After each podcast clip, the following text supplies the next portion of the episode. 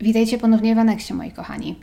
Jako, że tak ostatnio wpadłam trochę, jakkolwiek to brzmi, w tematykę sekt, no to uznałam, że może też nadszedł czas, aby przyjrzeć się Charlesowi Mansonowi i wszystkiemu, co z nim związane. Ponieważ nie ukrywam, że na jego osobę i na jego sektę, nazywaną rodziną, e, natrafiałam ostatnio praktycznie wszędzie. I uznałam, że może najwyższy czas przysiąść i może zrobić jakiś podcast na temat właśnie Charlesa Mansona. I oryginalnie planowałam, że będzie to po prostu jeden długi podcast, jeden odcinek. Ale tak mi się ten cały mój materiał, tak mi się cały ten mój research rozrósł, że będzie to odcinków kilka. Na chwilę obecną, gdy to nagrywam, nie wiem jeszcze ile, prawdopodobnie cztery. I tak teraz w ramach a, takich ogłoszeń organizacyjnych, taki rozkład jazdy. E, wszystkie odcinki pojawią się prawdopodobnie w przeciągu tygodnia. Pierwszy oczywiście pojawia się w niedzielę i przypuszczam, że wszystkie następne pojawią się później dzień po dniu, czyli w poniedziałek, wtorek i środę. Pytałam Was właśnie na Instagramie, jak chcielibyście, aby te odcinki się pojawiły. Powiedzieliście w większości chyba, że dzień po dniu jest najlepiej, więc przypuszczam, że tak właśnie zrobię. I z tego powodu też, ponieważ potrzebuję teraz trochę czasu, żeby się ogarnąć i zabrać za jakąś inną sprawę, to następna niedziela, która wypada chyba 1 sierpnia, o ile się nie mylę, będzie bezpodcastowa. Robię sobie tę niedzielę wolną, także słyszymy się następny raz w nowej sprawie w niedzielę za dwa tygodnie. I właśnie już od jakiegoś czasu chodził ze mną taki pomysł, żeby właśnie zrobić jakieś, jakąś taką dłuższą sprawę, którą podzielę na kilka odcinków. Pytałam Was też o to właśnie na Instagramie, pytałam też patronów, jaki temat chcielibyście w takiej formie usłyszeć i, i nikt chyba nie powiedział Charles Manson. Ja też tego tak nie planowałam. Także jakby co zapowiadam, że jeżeli ta forma się przyjmie, taka kilkuodcinkowa, to pewnie jeszcze o jakiejś innej sprawie również sobie właśnie w taki sposób mówimy, że podzielimy to na odcinki. Aha, i może jeszcze, dlaczego tak długo? Na początku myślałam, że będzie to właśnie jeden długi, szczegółowy odcinek i w ogóle, gdy podchodziłam do tego researchu na początku, mając oczywiście jakieś tam już pojęcie o tej sprawie i wiedząc o niej to i owo, Byłam zawsze przekonana, że jest to jedna z tych spraw, gdzie wszystko zostało tak dokładnie opisane, tak dokładnie zbadane, że nie ma tutaj w sumie do niczego żadnych większych wątpliwości. Jak się okazało, byłam w zupełnym błędzie i wątpliwości tutaj są praktycznie co do wszystkiego, prawie że. I mimo, że mam pojęcie, że zapewne większość z Was już jako tako też tę sprawę zna, mam w ogóle właśnie takie wrażenie, że Niewielu jest, może w ogóle nie ma na świecie Polaków, którzy by tej sprawy nie znali, głównie właśnie za sprawą kilku polskich akcentów w tej sprawie, jak i Romana Polańskiego. Ale jeżeli są wśród Was tacy, którzy może nigdy o tej sprawie nie słyszeli, to dajcie znać. Jestem po prostu ciekawa. Tak czy inaczej, bez zbędnego przedłużania już, weźcie sobie jakieś piciu, bo nie wiem, czy słuchacie po jednym odcinku, czy słuchacie wszystkiego na raz, jak już wszystko wyszło. Zajmie to trochę czasu, także Upewnijcie się, że jesteście nawodnieni i zapraszam. Była ósma rano 9 sierpnia 1969 roku, gdy Winifrida Chapman przyjechała do pracy. Do domu pod numerem 10050 przy Cielo Drive w takim sąsiedztwie zwanym Benedict Canyon, które wchodzi w skład słynnej na cały świat dzielnicy Beverly Hills w Los Angeles. Winfrida, czy też pani Chapman, jak mieszkańcy tego domu ją nazywali, była zatrudniona tam jako gospodyni, która zajmowała się tym ładnym, całkiem dużym, jednopiętrowym domem. Wybudowanym w takim bardziej europejskim stylu, który miał przypominać domy na francuskiej prowincji. A to między innymi dlatego, że został wybudowany w latach 40. dla francuskiej aktorki Michelle Morgan. Ale to tak w ramach ciekawostki. W lutym 1969 roku dom ten zaczął wynajmować reżyser Roman Polański i jego żona Sharon Tate. Jednak wtedy, w sierpniu 1969 roku, Polański pracował nad filmem w Wielkiej Brytanii i w domu przebywała jedynie jego ciężotna żona Sharon Tate oraz trzech jej znajomych. Przyjaciel Sharon i Romana, Jay Sebring oraz przyjaciel Romana jeszcze z Polski, Wojciech Frykowski i jego partnerka, Abigail Folger. Pani Chapman miała więc pełne ręce roboty z domem pełnym ludzi. Podeszła w górę długim podjazdem pod bramę domu, lekko poirytowana ponieważ prawie spóźniła się do pracy z powodu tragicznej komunikacji miejskiej tamtego dnia. Miała szczęście jednak, bo w drodze z przystanku do pracy spotkała starego znajomego, który podwiózł ją prawie że pod bramę domu. I wchodząc od razu zauważyła, że coś jest mocno nie tak. Kable telefoniczne były przecięte i zwisały nad bramą wjazdową. Zdecydowanie nie było tak poprzedniego dnia, gdy pani Chapman wychodziła z pracy. Obawiała się, że z powodu przeciętych kabli i automatyczna brama nie będzie działać, ale ta otworzyła się bez problemu, wpuszczając ją do środka. Zabierając więc przy okazji jeszcze gazetę ze skrzynki na listy, pani Chapman poszła w stronę domu. Na podjeździe zauważyła nieznany jej samochód białego Ramblera. Znów poprzedniego popołudnia nie było go tam. Ktoś więc musiał przyjechać w odwiedziny już po jej wyjściu i zostać na noc. Światło na zewnątrz, koło garażu, było włączone. Ktoś musiał zapomnieć je wyłączyć, pomyślała. Minęła wszystkie zaparkowane samochody i używając zostawionego dla niej klucza w specjalnej skrytce, weszła do domu przez boczne drzwi, które prowadziły prosto do kuchni. A tam podniosła słuchawkę telefonu i istotnie odkryła, że telefon nie działa. Skierowała więc swoje kroki do salonu, myśląc, że musi kogoś poinformować o awarii. I wtedy też stanęła w drzwiach jak wdyta. Główne drzwi domu, drzwi wejściowe, których wcześniej nie widziała, były otwarte na oścież.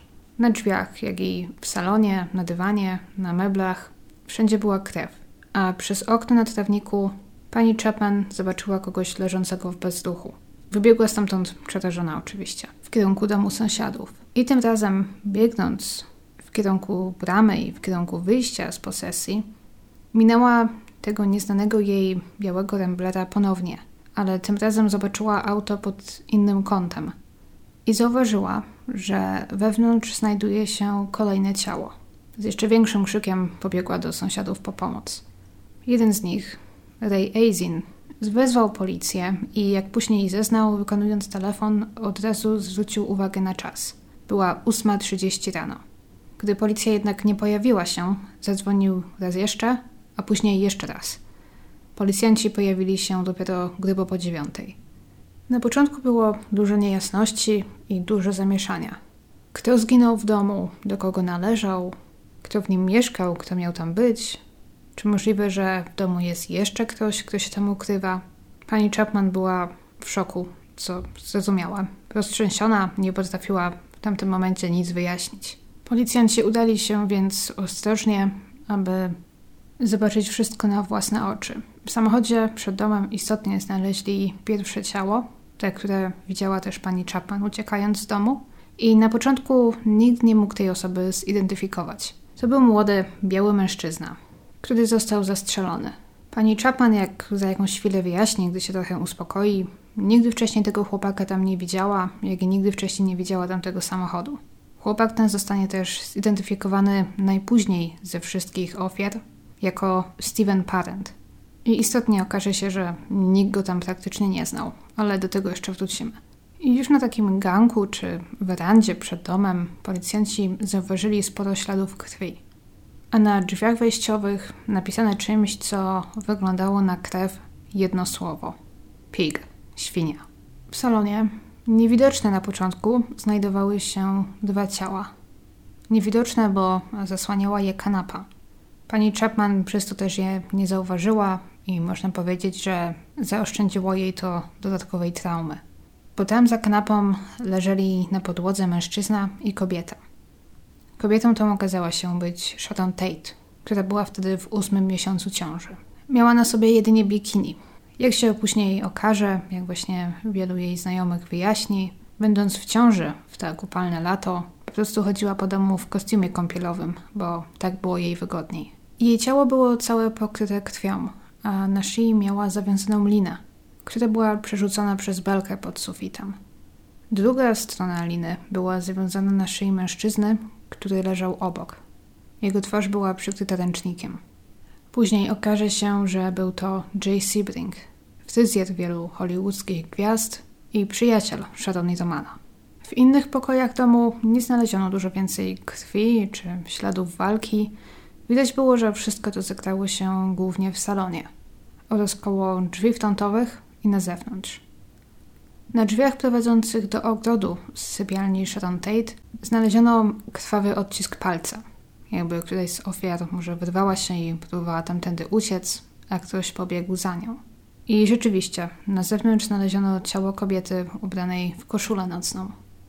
To była Abigail Folger, spadkobierczyni fortuny Kawy Folger, a trochę dalej leżał jej chłopak, polski aktor i producent i przyjaciel Romana Polańskiego, Wojciech Frykowski, czy też Frykowski, jak wszystkie amerykańskie źródła to wymawiają. Policjanci skończyli więc sprawdzać dom i ogród, ale to jeszcze nie był koniec.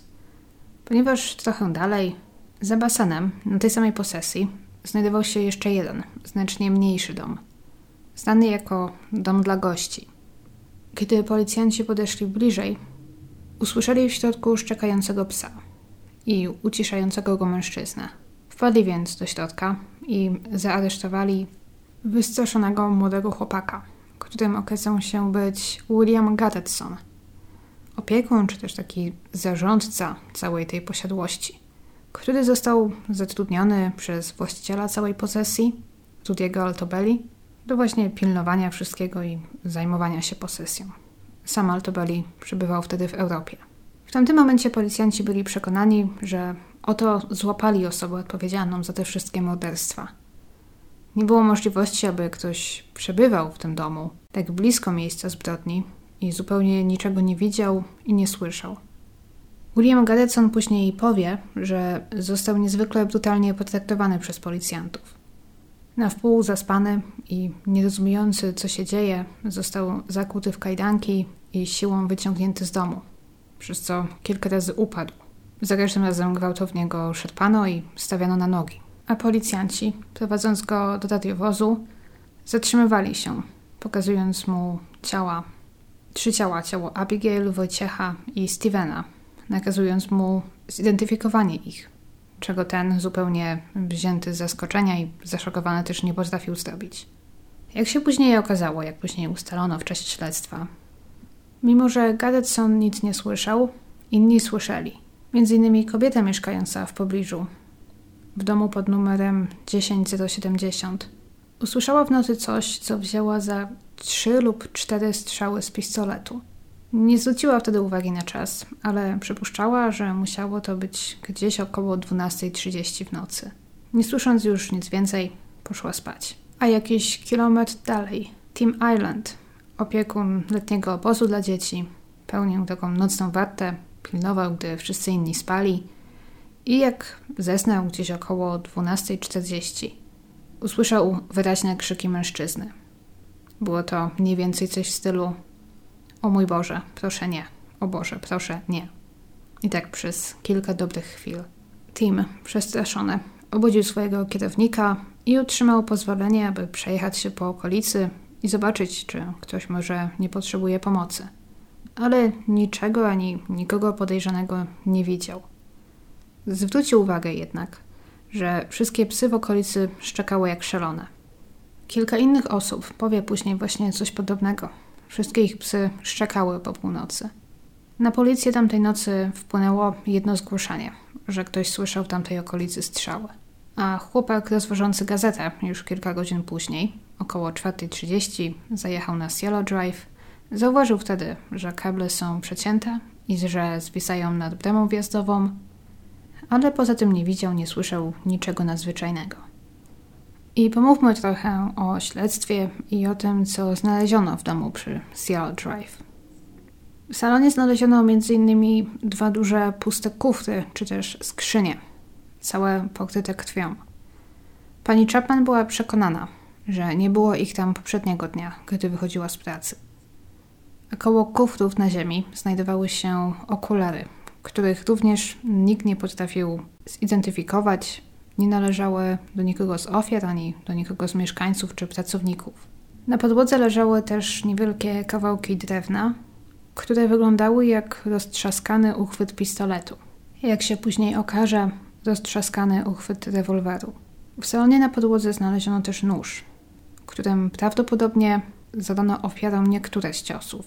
Nóż ten został dokładnie wyczyszczony Nie znaleziono na nim ani krwi, ani odcisków palców. A na kanapę, za którą znaleziono Tate i Sibringa, zarzucona była duża amerykańska flaga. Na początku ją wzięto za coś, co może morderca lub mordercy tam celowo zostawili. Może miała to być jakaś wiadomość, jakiś znak, jakieś polityczne umotywowanie, ale jednak okazało się, że flaga ta leżała tam już od kilku tygodni i nie miała ze sprawą nic wspólnego. Nikt nie potrafił jednak wyjaśnić, skąd wzięła się lina, którą związani byli Sibrick i Tate. A jeżeli chodzi o napis świnia na drzwiach domu, to został on wykonany krwią Sharon Tate. Najprawdopodobniej przy użyciu ręcznika, który znaleziono na twarzy Jaya Sibringa. Niektóre z ofiar zostały postrzelone. Steven Padden został postrzelony cztery razy w klatkę piersiową i brzuch. Jedną rękę miał przeciętą, tak jakby zasłonił się przed ciosem nożem. Jay Sebrick również został postrzelony w klatkę piersiową i zadano mu kilka ciosów nożem. Podobnie było z Wojciechem Frykowskim. Jego również postrzelono, a poza tym mężczyzna otrzymał wiele mocnych ciosów w głowę, prawdopodobnie właśnie tym pistoletem, którego uchwyt się roztrzaskał. Naliczono się też u niego aż 51 ciosów nożem. A uderzenia Wtykowskiego tym samym były najbardziej rozległe. Jak się okazuje, żadna z kobiet nie została postrzelona. Obie zginęły jedynie od ciosów nożem. U Abigail Folger naliczono się 28 ran, a u Sharon Tate 16. Jest też jeszcze jeden, trochę mniej znany fakt, ponieważ dr Noguchi, który przeprowadził autopsję, nie będąc tego faktu na początku zupełnie pewnym, nie umieścił go w tym pierwszym oryginalnym raporcie sekcji. Ale później przyznał, że analiza otarć na szyi Sharon mogła wskazywać na to, że kobieta została powieszona w którymś momencie. Nie spowodowało to jednak jej śmierci. Śmierć spowodowały ciosy zdane nożem, ale doktor Noguchi szacował, że kobieta wisiała w powietrzu przez około minutę.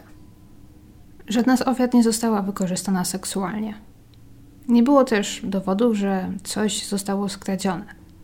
W domu, jak i w kieszeniach ofiar znaleziono dużo gotówki. Na początku zauważono też brak czerwonego Ferrari, które należało do Sharon Tate. Podejrzewano, że sprawca ukradł ten samochód, co było w sumie dobrym znakiem, bo mogło ułatwić złapanie winnego. Ale jak się później okazało, Sharon Tate jakiś czas wcześniej zostawiła ten samochód u mechanika. W domu znaleziono też biżuterię. Poza tym była tam kamera, telewizor, drogie zegarki i Porsche JS Bringa na podjeździe. Nic z tych rzeczy nie zostało ruszone. I jak już mówimy o samochodzie JS Bringa, to znaleziono w nim też trochę marihuany i gram kokainy. Poza tym w domu, m.in. w salonie oraz w sypialni Sharon Nitamana znaleziono niewielkie ilości marihuany. A w sypialni, którą dzielili Wojtek i Abigail, było 30 gramów haszyszu i 10 kapsułek czegoś, co nazywa się MDA, narkotyku, który jest, z tego co czytałam, jakiegoś rodzaju pochodną amfetaminy.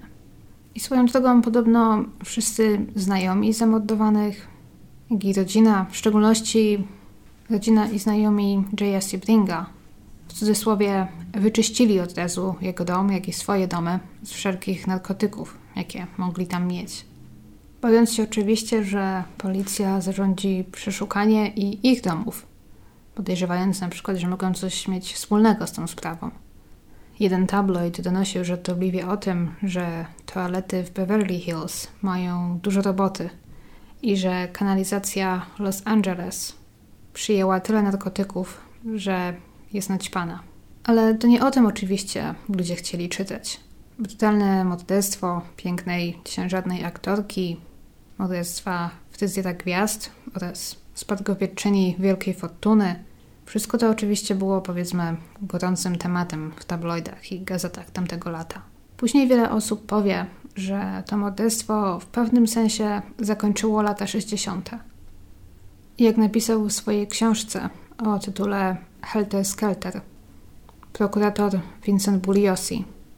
Do tego pana będziemy swoją drogą jeszcze wracać do niego i do jego książki nieraz. Salon domu polańskiego i Tate był takim rodzajem loftu. Urządzono w nim antresolę, na którą można się było wspiąć po drabinie. I to właśnie tam, na tej antresoli, pośród różnych rzeczy, policjanci znaleźli kasetę, która na początku została zabrana i włączona w materiał dowodowy.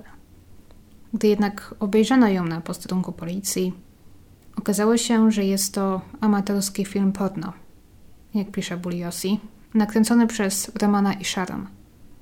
Uznano oczywiście, że sam sobą nie przedstawia żadnej wartości dowodowej, nie wnosi nic do sprawy i z szacunku usunięto go z wykazu dowodów i zwrócono w to samo miejsce na antresoli.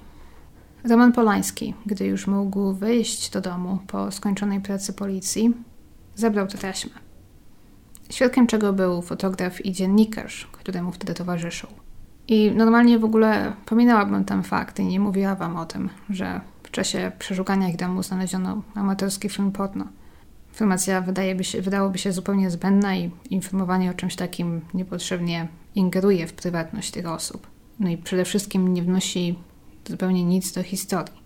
Ale w świetle nowych informacji jednak doszłam do wniosku, że nie mogę tego tematu przemilczeć.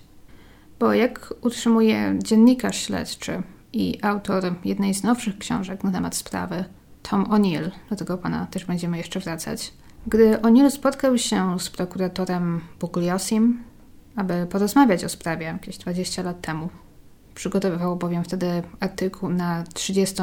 rocznicę morderstw, to poprosił Vincenta o podzielenie się z nim jakimś szczegółem, jakimś, nazwijmy to, smaczkiem, czymś, o czym może ten nie napisał w swojej książce, czymś, co może nie było powszechnie wiadome.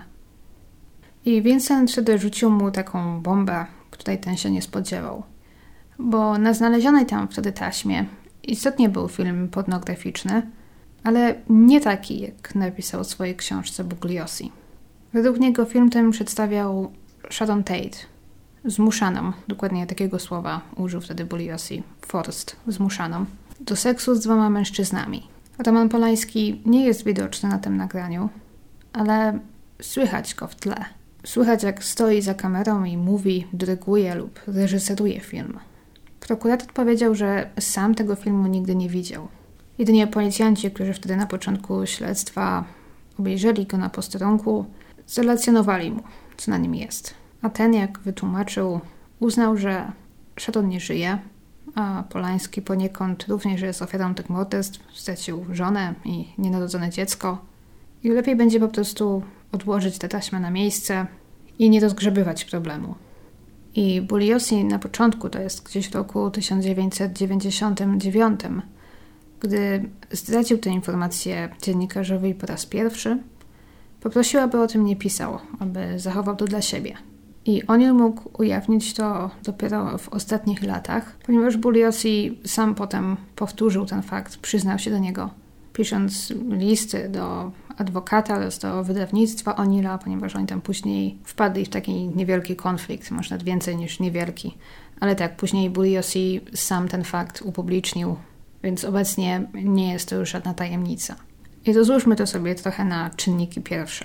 Co oczywiście na pewno było na tej taśmie, nie wiadomo. Jeżeli jednak istotnie było to nagranie, na którym Sharon Tate jest bez żadnych wątpliwości zmuszana do seksu z dwoma mężczyznami, bo Buliosi użył słowa, że jest zmuszona, więc chodzi tutaj wyraźnie o gwałt. Gwałt, który jeszcze dodatkowo nadzoruje jej mąż, nagrywając to wszystko. To oczywiście taka taśma no to jest dowód przestępstwa.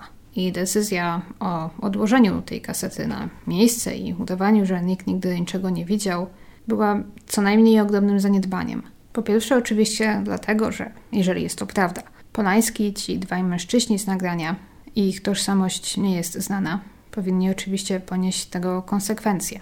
Ale poza tym, jeżeli Polański też skrzywdził swoją żonę w taki sposób, to powinien też od początku śledztwa stać się zdecydowanie poważniejszym podejrzanym niż był. Wiele osób uważa, że to, co opisał Buliosi, jest bardzo prawdopodobne. W szczególności w świetle tego wszystkiego, co wydarzyło się później z Polańskim i Samantą Gamer. Ale jest jeszcze inna opcja. Bo jest też możliwe, że to, co policjanci zobaczyli na tej taśmie, jeżeli to jest istotnie prawda, zostało wyreżyserowane I jest to mniej więcej niż film porno, w którym wszyscy uczestnicy biorą w nim dobrowolny udział. I to, że Sharon zdaje się być na taśmie do czegoś zmuszana, jest w istocie grą. Coś, co też może mogło być nie do końca zrozumiałe dla policjantów w latach 60., w szczególności jeżeli może trafiło na jakieś bardziej konserwatywnych. To, że nie wszystkie małżeństwa są monogamiczne i że Sharon i Roman może przy udziale jakichś dwóch mężczyzn realizowali jakąś fantazję seksualną i że wszystko było grą. I w takim wypadku istotnie nie mówimy tutaj o żadnym przestępstwie i ta kwestia nie powinna być tutaj w żaden sposób roztrząsana. Nie wiem, to oczywiście wiedzą tylko osoby, które na tej taśmie są i które ją widziały. Może było tam w pewnym momencie na tej taśmie coś, co jasno sugerowało, że to wszystko, co się tam dzieje, jest właśnie w jakiś sposób wyreżyserowane i nikt tam Sharon naprawdę nie robi krzywdy, tylko to wszystko to jest gra i oni udają. Wiecie o co mi chodzi. Ale jest jeszcze jedna możliwość której mam wrażenie nie bierze się wystarczająco często pod uwagę. Taka, że Bulliosi zwyczajnie tę historyjkę zmyślił lub podkoloryzował, albo że jest to rezultat jakiejś błędnie powtarzanej plotki. Co by nie było, to bodajże tylko kilku policjantów widziało tę taśmę wiele, wiele lat temu. Bulliosi sam przyznał, nigdy jej nie widział. Później, 30 lat później, dopiero powtórzył tą informację dziennikarzowi. Więc jest możliwość, że jakaś taśma tam rzeczywiście była, ale Bugliosi to wszystko podkoloryzował albo zmyślił, żeby na przykład odwrócić uwagę reportera od innych poważnych niedociągnięć i problemów w śledztwie. Bo co by nie było, jak będziemy w kolejnych odcinkach roztrząsać, prokurator Bugliosi, który tę sprawę doprowadził do końca i który też jest autorem książki o tytule Helter Skelter, jednej z najbardziej poczytnych książek kryminalnych w historii, mógł być poniekąd oszustem, na pewno manipulatorem nakłaniającym świadków do nieprawdziwych zeznań między innymi. Mógł też mieć niezdiagnozowane zaburzenia psychiczne. Ale na to wszystko przyjdzie czas. Najpierw rozprawmy się z faktami. I przejdźmy do młodego, bo ledwie 18-letniego wtedy Williama Geretsona.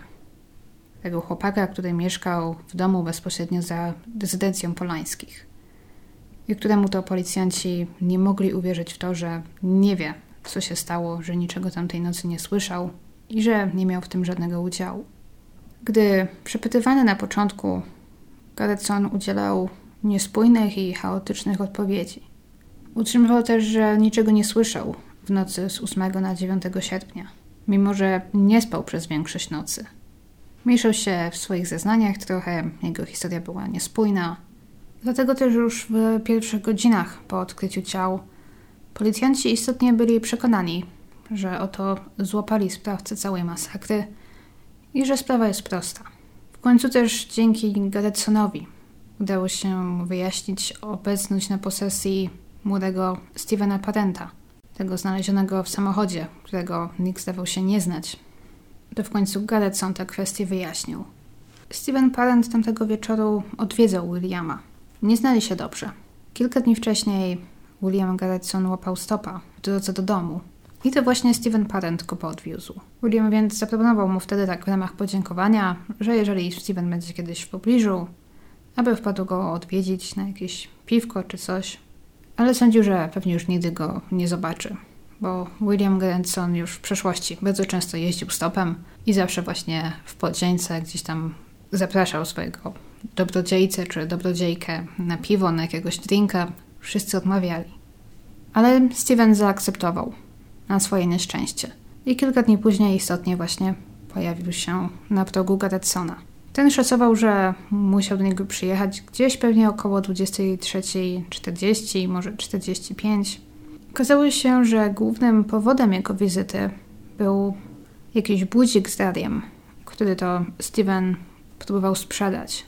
Ale William ponoć nie był zainteresowany kupnem, więc po krótkiej wizycie Steven pożegnał się i poszedł.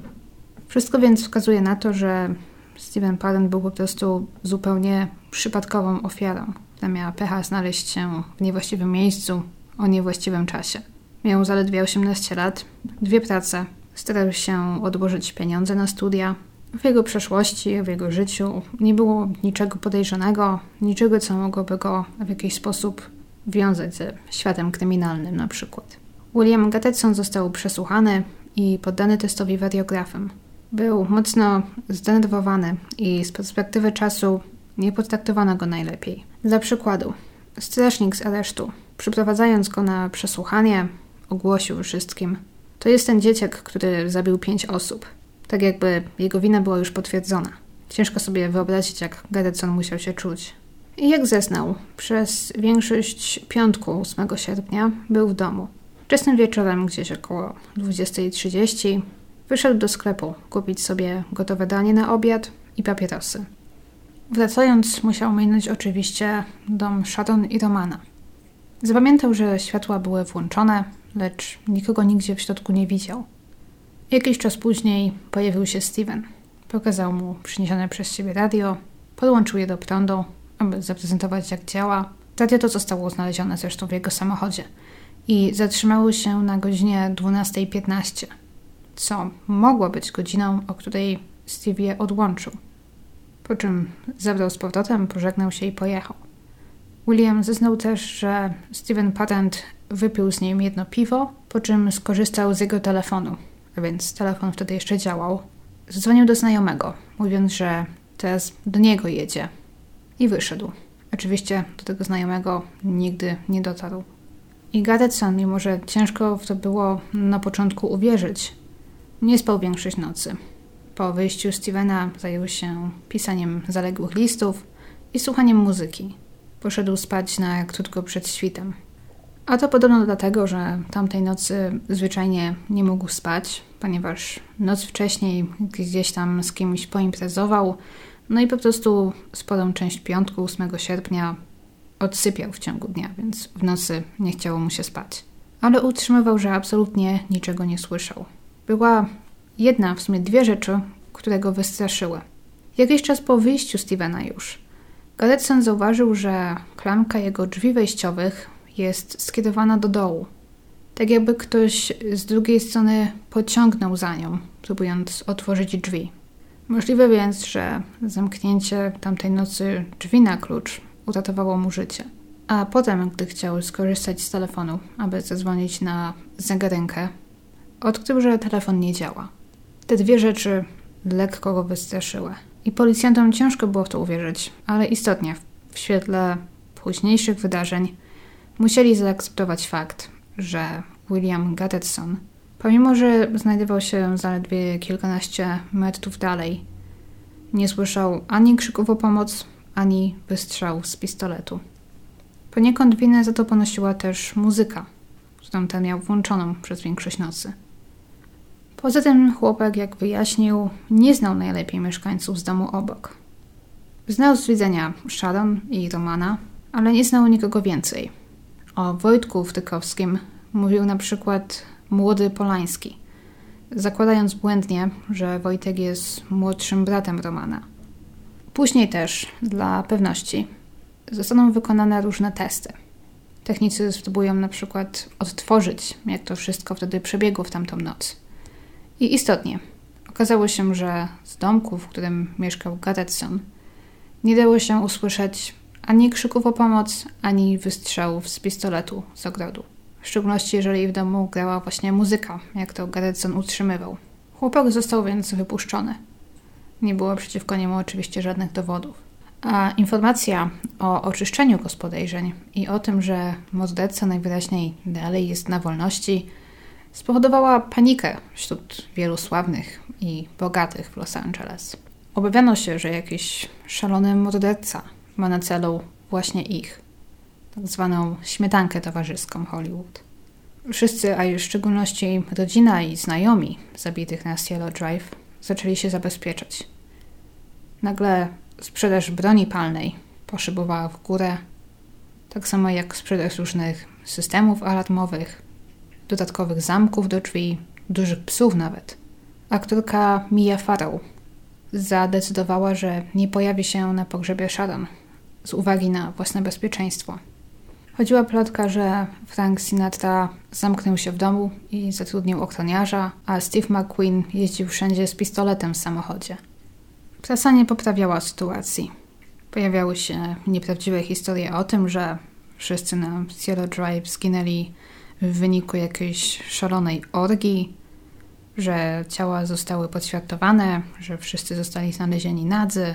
Najróżniejsze, zmyślone oczywiście rzeczy. Były też artykuły w brukowcach oskarżające Romana Polańskiego. Z jednej strony były artykuły o tym, że Roman jest w takim szoku i w takiej żałobie, że nie może mówić. Z drugiej strony były artykuły z plotkami o tym, że Polański był widziany jak imprezuje w klubie. Były plotki o tym, że Sharon była jakąś królową satanistów. Tematyka wielu filmów Polańskiego, w szczególności Dziecka Rosemary, też gdzieś tam nie pomagała.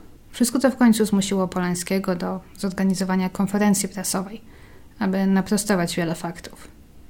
Jak wyjaśnił, nigdy nie było żadnych orgii, a jego żona była dobrą osobą. Poza okazjonalną marihuaną unikała narkotyków, a już przede wszystkim w ciąży. Wtedy nie odważyła się nawet łyknąć grama alkoholu.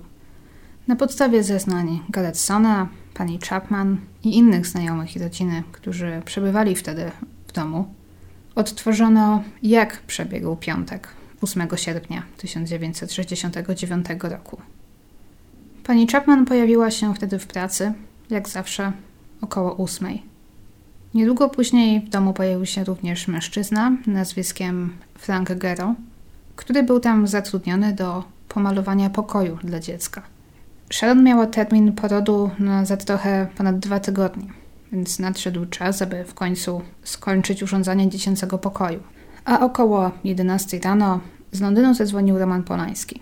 Pani Chapman usłyszała fragment rozmowy jego i Sharon.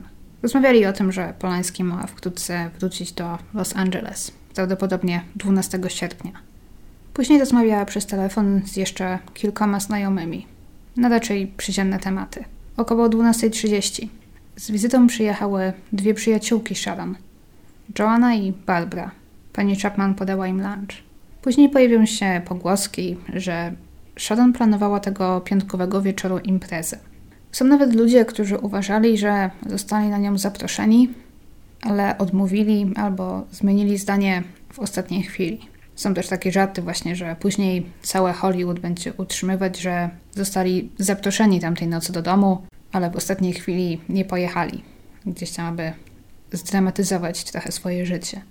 Ale pani Chapman między innymi, jak i przyjaciółki Sharon, są pewne, że Sharon niczego nie planowała na tamten wieczór.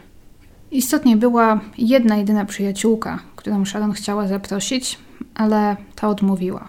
Wszyscy zgodnie uważali, że Sharon była wtedy zbyt zmęczona i ciążą, i upałami, aby myśleć o urządzaniu imprez. Około 13.30 pracę na ten dzień skończył Frank Gero. Powiedział, że przyjedzie dokończyć malowanie następnego dnia.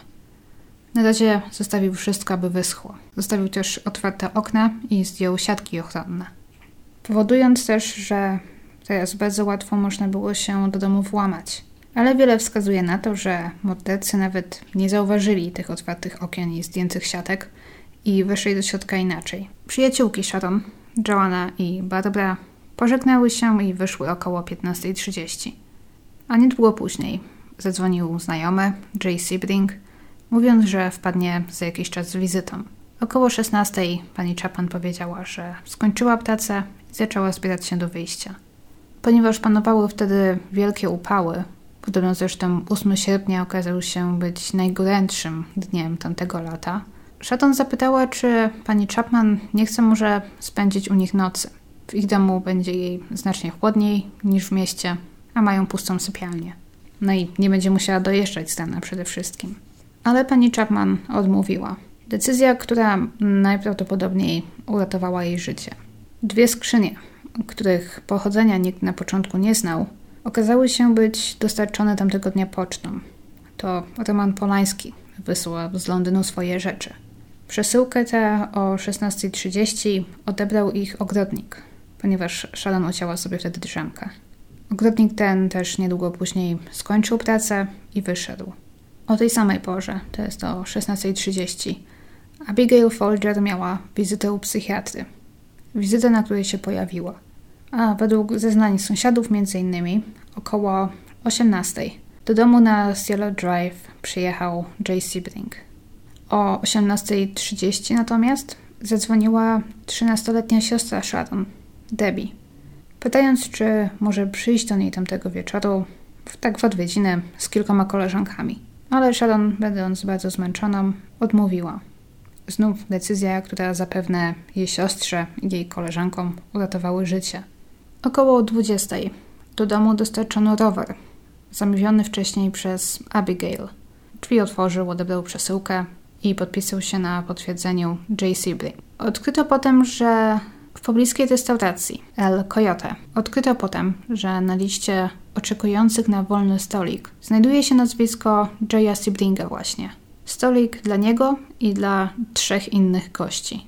Nikt niestety nie pamiętał, czy aby na pewno Sibling i jego goście się pojawili, ponieważ był to bardzo ruchliwy wieczór.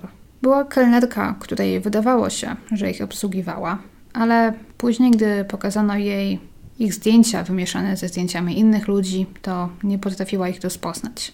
Nic też dziwnego, skoro przewinęło się tam tamtej nocy tak wielu gości. I jeżeli Jay, Sharon, Wojciech i Abigail pojechali coś zjeść tamtego wieczoru, to musieli wrócić z powrotem około 22, bo wtedy też Abigail odebrała telefon od swojej mamy. Rozmawiały chwilę o tym, że następnego dnia Abigail ma złapać samolot o 10 rano i polecieć do San Francisco. Jej mama zauważyła wtedy, że Abigail brzmiała na lekko zmęczoną, zdezorientowaną, jakby lekko czymś naćpaną, ale zdecydowanie, nie wiem, nie wyraziła żadnych obaw o swoje bezpieczeństwo. Wszystko zdawało się być tak jak zawsze. Później już nikt nie miał z nimi kontaktu. Wiemy jedynie, że około 23.40 na posesji pojawił się Steven Parent, a po północy ludzie w okolicy usłyszeli krzyki i strzały. I okej, okay, wiemy, że William Garretson został wykluczony. Pomówmy teraz trochę o innych, przynajmniej tych początkowych, wczesnych podejrzanych. Przechodząc do Polańskiego.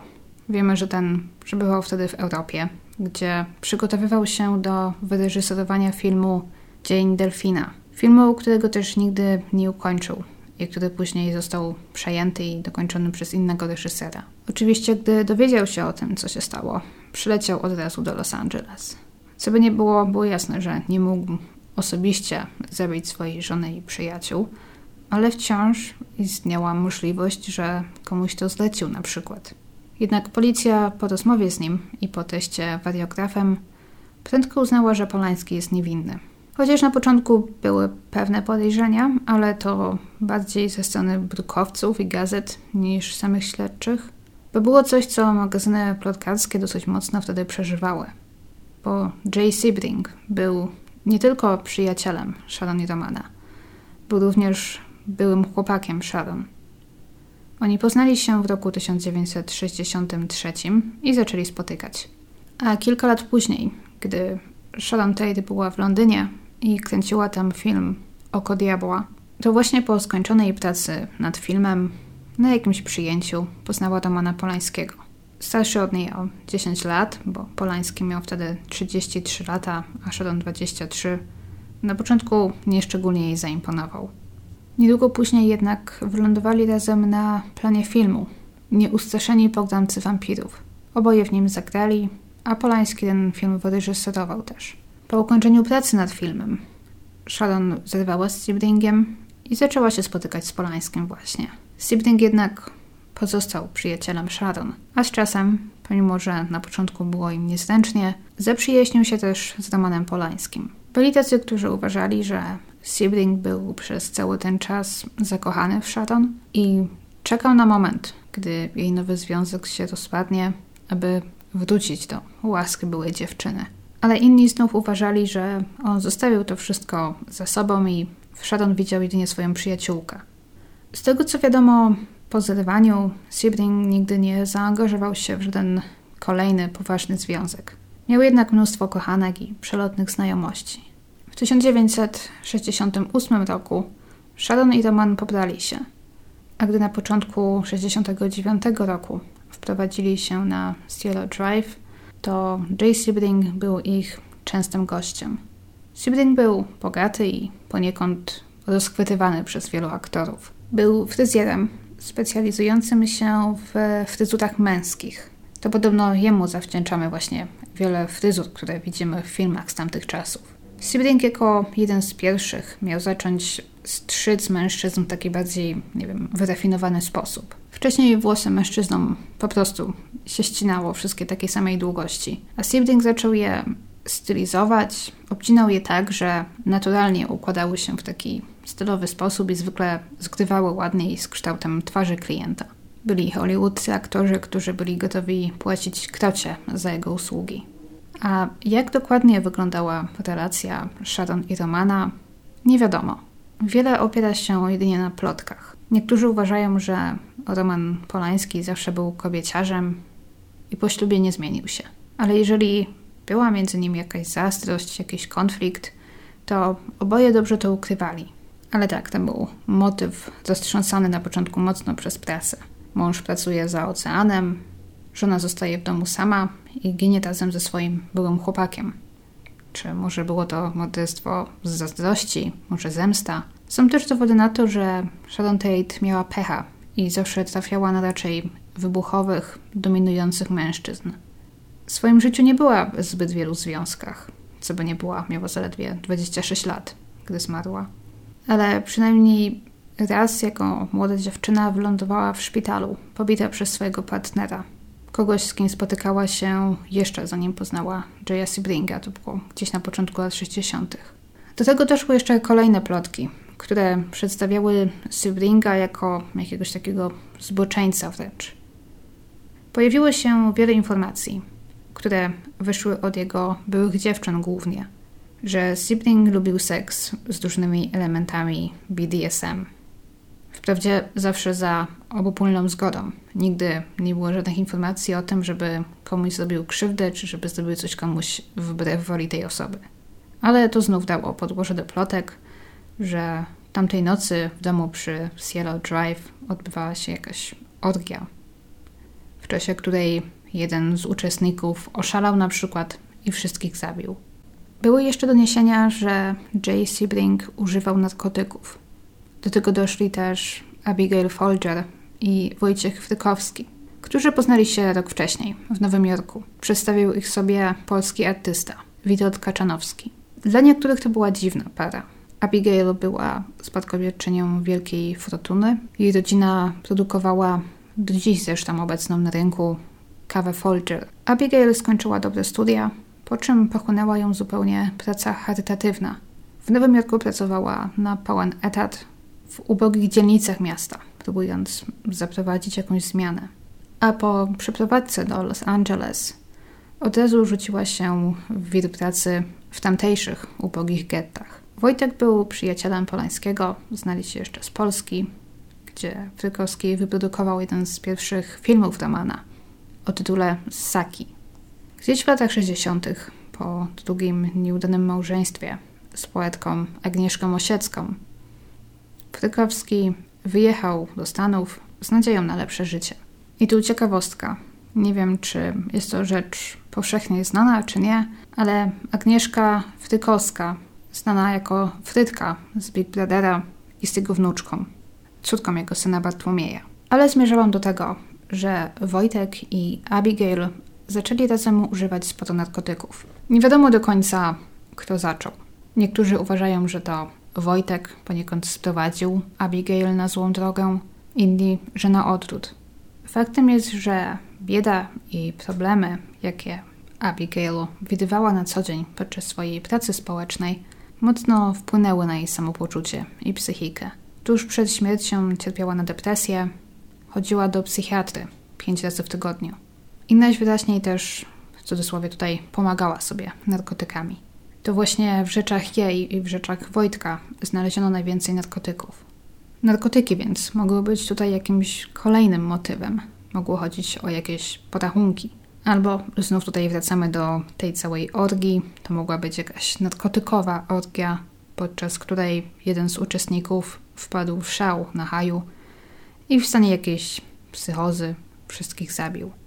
Policja ustaliła między innymi, że gdy Abigail i Wojtek przenieśli się z Nowego Jorku do Los Angeles, to po drodze jedąc samochodem zatrzymali się w Teksasie, gdzie spędzili kilka dni w domu znanego policji handlarza narkotykami, gdzie używali życia i imprezowali, zanim ruszyli w dalszą drogę. Podczas autopsji w ich organizmach wykryto amfetaminę. Poza tym Wojciech Frykowski nie miał wtedy stałej pracy. Utrzymywała ich Abigail, najprawdopodobniej. Bo są też spekulacje, że Frykowski zarabiał właśnie handlując narkotykami. Według oficjalnej wersji był aspirującym pisarzem, jak o sobie mówił. Jednak wiele osób później mówiło, że jedyne co wtedy robił, to urządzał duże przyjęcia i żył na koszt Abigail. I latem 69 roku Wojciech i Abigail wprowadzili się właśnie do domu Polańskich. Podobno na prośbę samego Romana, ponieważ on wtedy spędzał większość czasu w Londynie, w pracy i nie chciał, aby jego ciężarna żona była w tym domu sama. I jedna przedstawiana właśnie wersja mówi o tym, że cała trójka spędziła miłe, upalne lato w tym dużym domu. Miło spędzali czas, przyjmowali gości, pływali w basenie i tak. Ale były też pogłoski o tym, że Sharon Tate nie była zachwycona swoim towarzystwem.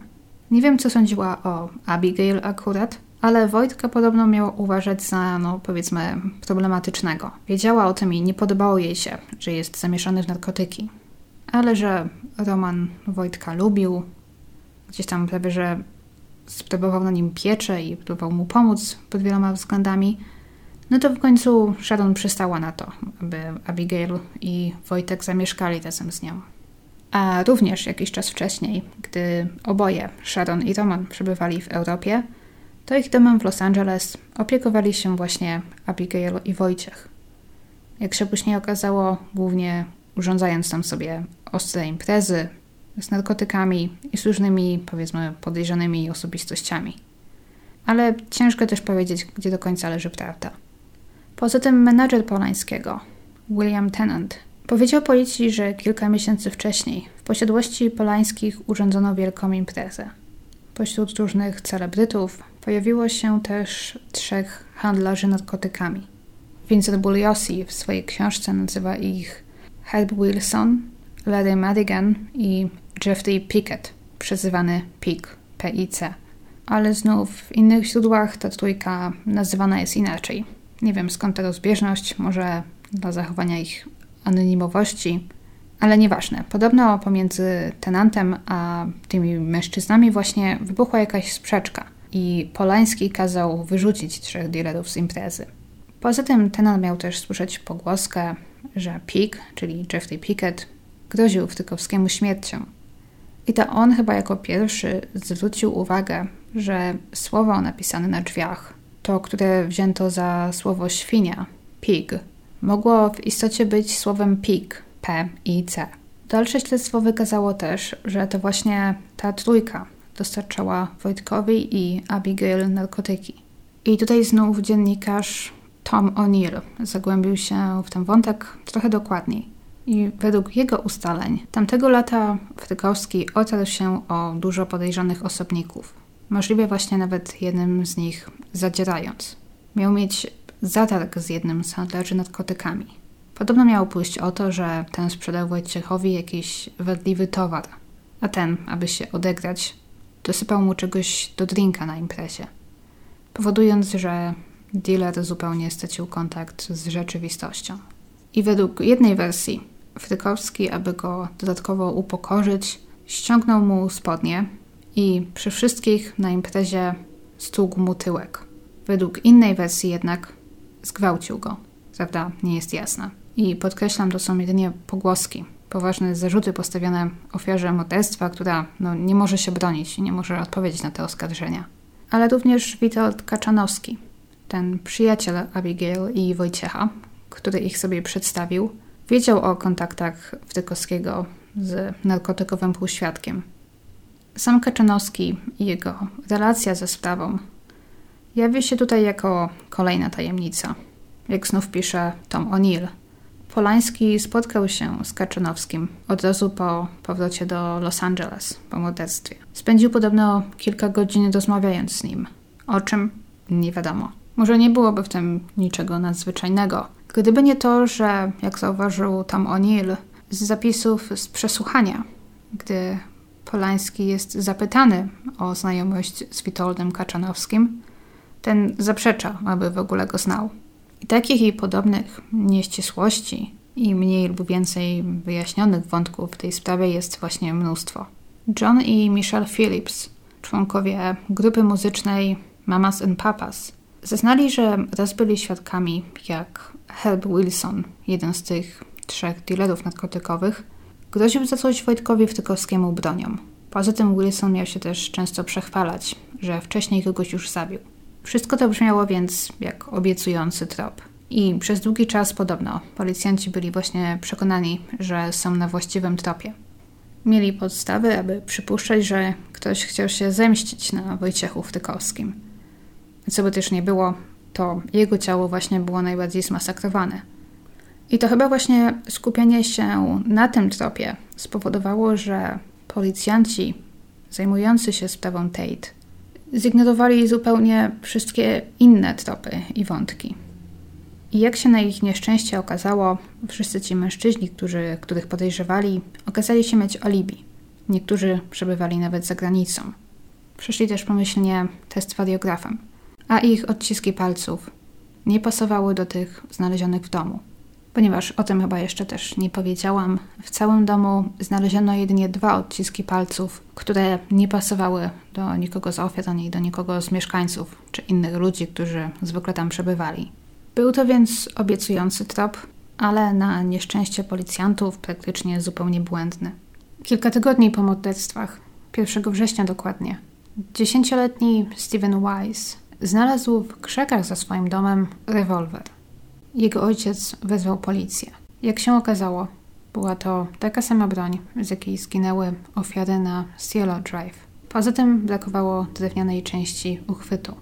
Później zostanie potwierdzone na pewno, że to właśnie z tej broni zginęli ludzie w domu Sharon Tate. Ale nie zostało to odkryte od razu. Z powodu głównie różnych niedociągnięć, braku komunikacji, pistolet ten długo nie trafił do właściwego oddziału i śledczy długo o nim nie wiedzieli. Dopiero ojciec Stevena, gdy jakiś czas po tym, gdy przekazał policji broń, usłyszał w mediach o tym, że broń ta dalej jest poszukiwana, zdecydował się z nimi skontaktować. Co gorsza, policjant, który odebrał od nich broń 1 września, nie przestrzegając żadnych przepisów, po prostu wziął go do ręki, bez rękawiczki, przykrywając swoimi odciskami odciski, które wcześniej się już tam znajdowały, czyniąc tym samym dowód faktycznie bezużyteczny. Co też potem było powodem do żartów i wyszydzania, ponieważ ten dziesięcioletni chłopiec, Steven, który znalazł rewolwer, oprzedł się z nim lepiej niż policjant. Mały Steven, naśladując policjantów z filmów akcji, złapał go delikatnie za lufę między dwa palce, właśnie po to, aby nie zatrzeć odcisków palców tylko po to, aby niedoświadczony policjant zupełnie sprzeniewierzył te jego wysiłki. I mimo, że w tej całej sprawie najbardziej znane są właśnie morderstwa w domu Sharon Tate, morderstwo Tate, jak w skrócie się je nazywa, jest oczywiście najbardziej popularne, ponieważ ofiary to byli znani, wpływowi ludzie. Ale to oczywiście nie są jedyne morderstwa w tej historii. To jest jeszcze jedno, tak zwane morderstwo La Bianca. To też nie jest jedyne, ale po kolei. 10 sierpnia, w niedzielę wieczorem, 15-letni Frank wrócił do domu z wyjazdu. Mieszkał ze swoją mamą, Rosemary i jej nowym mężem, Lino LaBianca. Zapukał do drzwi, ale nikt mu nie otworzył. Poza tym wszystkie żaluzje były opuszczone. Coś nietypowego. Ich samochód został zaparkowany przed domem z wciąż przyczepioną do niego łodzią, Kolejna nietypowa rzecz. Jego ojciec nie lubił zostawiać ich łodzi na zewnątrz. Zawsze chował ją do garażu.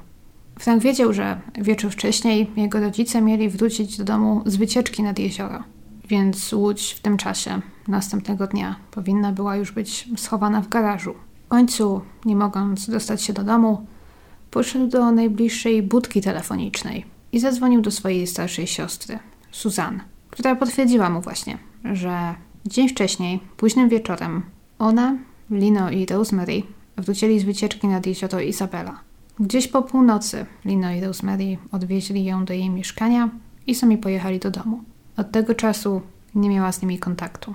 Niedługo później więc Susan i jej chłopak Joe przyjechali po Franka, aby zobaczyć, co się dzieje w domu i gdzie są rodzice. Udało im się wyjść do środka przez tylne drzwi, a tam, w salonie na podłodze, zobaczyli ciało Lino Labianki. Leżał na plecach, z poszewką na poduszkę, na twarzy. Nie było wątpliwości, że nie żyje. Coś, jakieś narzędzia, którego nie umieli wtedy zidentyfikować, wystawało z jego klatki piersiowej. Od razu wycofali się i pobiegli do sąsiadów, aby wezwać policję. W salonie, jak się okazało, istotnie znaleziono ciało Lino Labianki. Wokół jego szyi zawiązany był kabel od lampy, a na głowie miał właśnie poszewkę na poduszkę. Jego ręce były z tyłu związane. Dziwnym obiektem, który wystawał z jego ciała, okazał się być widelec. Poza tym na jego brzuchu było dużo ran kłutych oraz ktoś wyrył na jego skórze słowo war, wojna. Rosemary Labianka została znaleziona w sypialni domu, na podłodze. Jej głowa również była przykryta poszewką, wokół szyi również miała zaciśnięty kabel od lampy, jej ręce również były związane. Leżała na brzuchu, a jej sukienka była podwinięta do góry. Na jej nogach i plecach znajdowało się mnóstwo ran kłutych. Założono, że Lino i Rosemary musieli zostać zaatakowani krótko po powrocie do domu. Zapewne gdzieś około drugiej w nocy. Ponieważ wiemy, że gdzieś pomiędzy pierwszą a drugą, już po tym, gdy odwieźli Susan do jej mieszkania, zatrzymali się przy kiosku na rogu w pobliżu ich domu. Znali sprzedawcę, Johna Fokianos, i często z nim gawędzili. Zatrzymali się i wtedy, mimo późnej pory. Rozmowa oczywiście od razu zeszła na temat morderstw w domu Sharon i Tate. Wszyscy praktycznie już o tym mówili. Fokianos zauważył wtedy, że Rosemary wydawała się być morderstwami mocno poruszona. John dał im nawet za darmo kopię najnowszej gazety, która donosiła o wszystkich na tamtą chwilę znanych szczegółach sprawy. Para pożegnała się i pojechała do domu. Tym samym John Fokianos jest ostatnią osobą, która widziała ich żywych. Na ścianie w salonie ich domu ktoś przy użyciu papierowego ręcznika napisał krwią Lino Labianki słowa Death to pigs, śmierć świniom. Na innej ścianie salonu znów widniało słowo rise, powstawać, powstańcie albo początek, w zależności od intencji autora.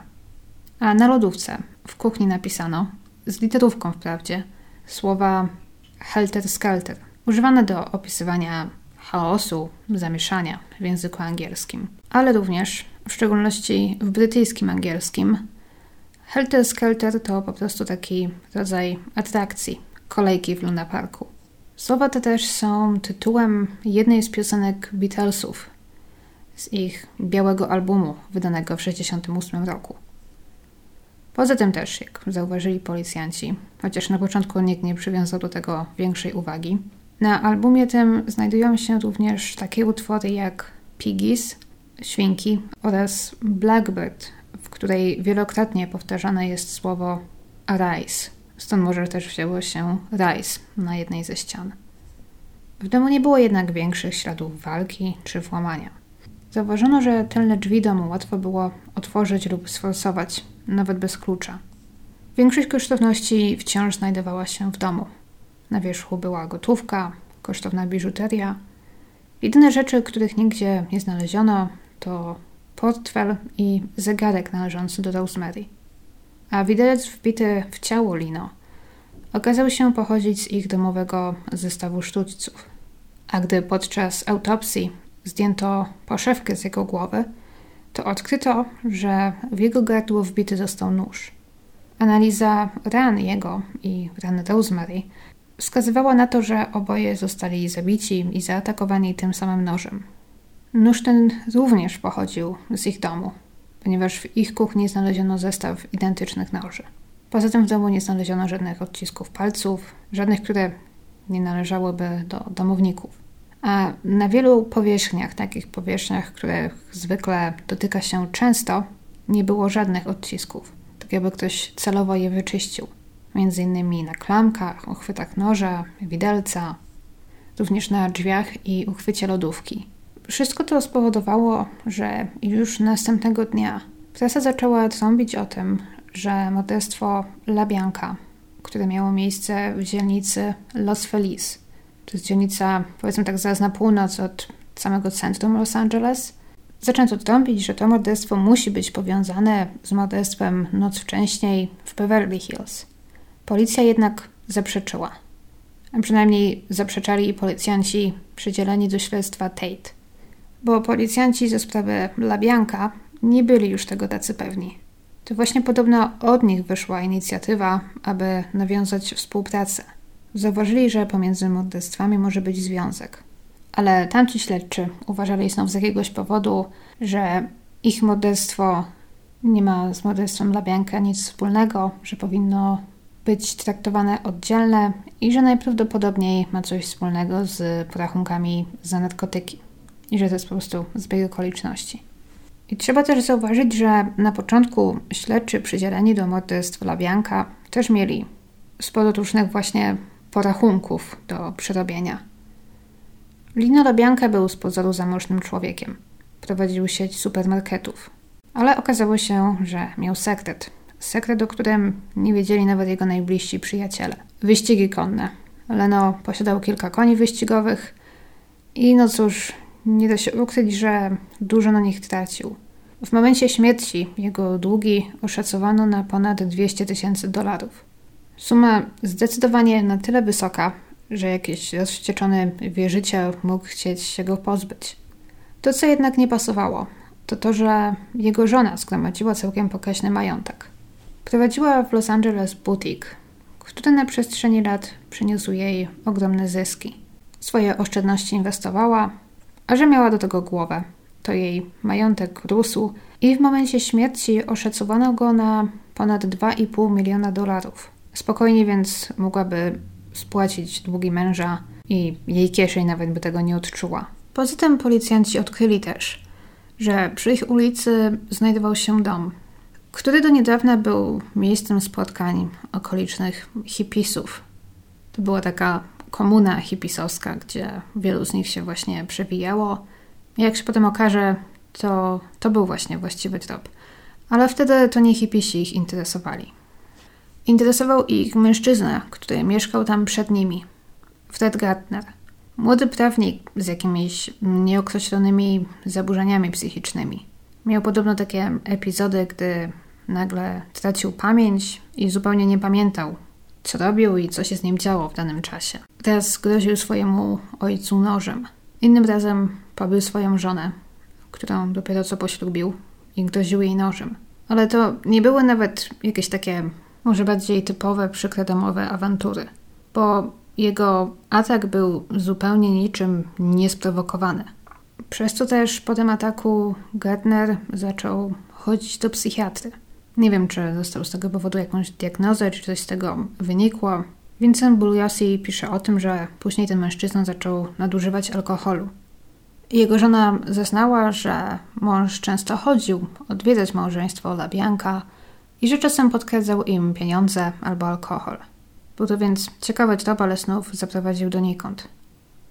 Na początku października 1969 roku zarówno sprawa Tate, jak i sprawa Labianka wciąż pozostawały nierozwiązane. Policjanci ze sprawy Labianka złożyli jednak raport z ich dotychczasowych wyników w śledztwie i na końcu raportu znajdowała się lista 11 nazwisk. Nazwisk możliwych podejrzanych, którym według nich należało się dokładniej przyjrzeć. Ostatnim, jedenastym nazwiskiem na liście było nazwisko Charles Manson. I powodem, dla którego to nazwisko się tam w ogóle znalazło, jest to, że już na początku trwania ich śledztwa zgłosili się do nich policjanci z innego jeszcze wydziału, z Malibu, którzy badali kolejne morderstwo, o którym jeszcze nie mówiliśmy, które miało miejsce pod koniec lipca tamtego roku tam w Malibu w swoim domu znaleziony został 34-letni nauczyciel muzyki, prowadzący taki lekko hipisowski styl życia, Gary Hinman, którego ktoś zabił, zadając mu wiele ciosów nożem. Poza tym połowa jego ucha była obcięta. Ktoś później próbował zaszyć tę ranę przy użyciu nici dentystycznej. Wiele wskazywało na to, że Hinman nie zginął od razu, a że był przetrzymywany w swoim domu i możliwie torturowany przez jakiś czas. Nikt nie miał z nim kontaktu na kilka dni przed znalezieniem ciała. Ale dwóch różnych znajomych zeznało, że na niedługo przed tym, gdy jego ciało znaleziono, w jego domu przebywała jakaś kobieta. Raz, gdy ktoś zapukał do drzwi jego domu, otworzyła kobieta właśnie, mówiąca z jakimś takim dziwnym, jakby udawanym brytyjskim akcentem i poinformowała ich, że Hinman wyjechał, a ona opiekuje się domem. Innym razem jakaś kobieta odebrała telefon w jego domu, znów opowiadając podobną historyjkę. Hinman nie miał żadnych znanych wrogów, był nauczycielem muzyki, poza tym pracował w sklepie muzycznym, interesował się buddyzmem, był takim lekkim hipisem, zdecydowanie stronił od przemocy. Z pozoru sprawa ta wydawała się być z pozostałymi zupełnie niezwiązana, ale policjanci zauważyli jedno zastanawiające podobieństwo. Na ścianie salonu, znów używając krwi ofiary, ktoś napisał słowa political piggy, polityczna świnka, co oczywiście przypominało od razu słowo pig na drzwiach domu Sharon Tate. Ale w tej sprawie, w odróżnieniu od poprzednich, policjantom udało się już zatrzymać podejrzanego. I nie było to nawet trudne, bo 6 sierpnia, czyli jeszcze przed morderstwami Tate i Labianka, policjanci zatrzymali Roberta, nazwanego Bobiem Busolej. Młodego mężczyznę, który został znaleziony jak śpi w samochodzie zaparkowanym przy autostradzie. Samochodzie należącym do Garego Hinmana, któremu ten został skradziony.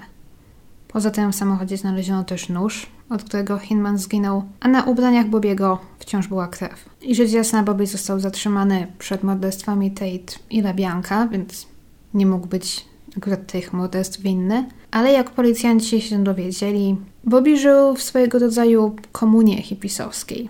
Była to taka dziwna grupa pod dowództwem mężczyzny, który ogłosił się Jezusem Chrystusem. Jak też odkryli, Gary Hinman miał wcześniej kontakty z tą grupą. Pozwolił im nawet mieszkać u siebie przez jakiś czas, lecz później ograniczył swoje kontakty z nimi. Policjanci z Malibu sugerowali, że należałoby się przyjrzeć tej grupie, właśnie w kontekście morderstwa w domu Sharon Tate i małżeństwa Labianka. Na początku jednak ta propozycja została zupełnie zignorowana. W tamtym momencie policjanci byli już tak mocno skupieni na hipotezie, że za morderstwo na Cielo Drive odpowiedzialny był ktoś zamieszany w narkotyki, że zupełnie zignorowali tamte podobieństwa. Kolejnym dowodem, który też to wszystko komplikował, było to, że na ścianie salonu ktoś odbił krwawą dłoń Grego Hinmana. W taki sposób, że wyglądało to jak znak zostawiony przez radykalną grupę Czarnych Panter. To jest taka grupa czy partia walcząca o prawa czarnoskórych mieszkańców USA. Co miało znów sugerować, że to właśnie członkowie tej grupy są winni śmierci Hinmana. I gdzie właśnie śledczy z grupy Tate nie chcieli o tym słuchać, tak policjanci z grupy Labianka byli zdecydowanie bardziej otwarci. Gdy dowiedzieli się o morderstwie Hinmana, jeszcze bardziej utwierdzili się w przekonaniu, że te wszystkie sprawy muszą być jakoś połączone.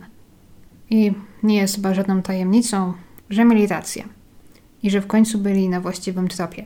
Ale o tym, jak tym tropem dalej podążyli, gdzie ich to zaprowadziło, o tym już pogadamy w następnym odcinku. Do usłyszenia zatem.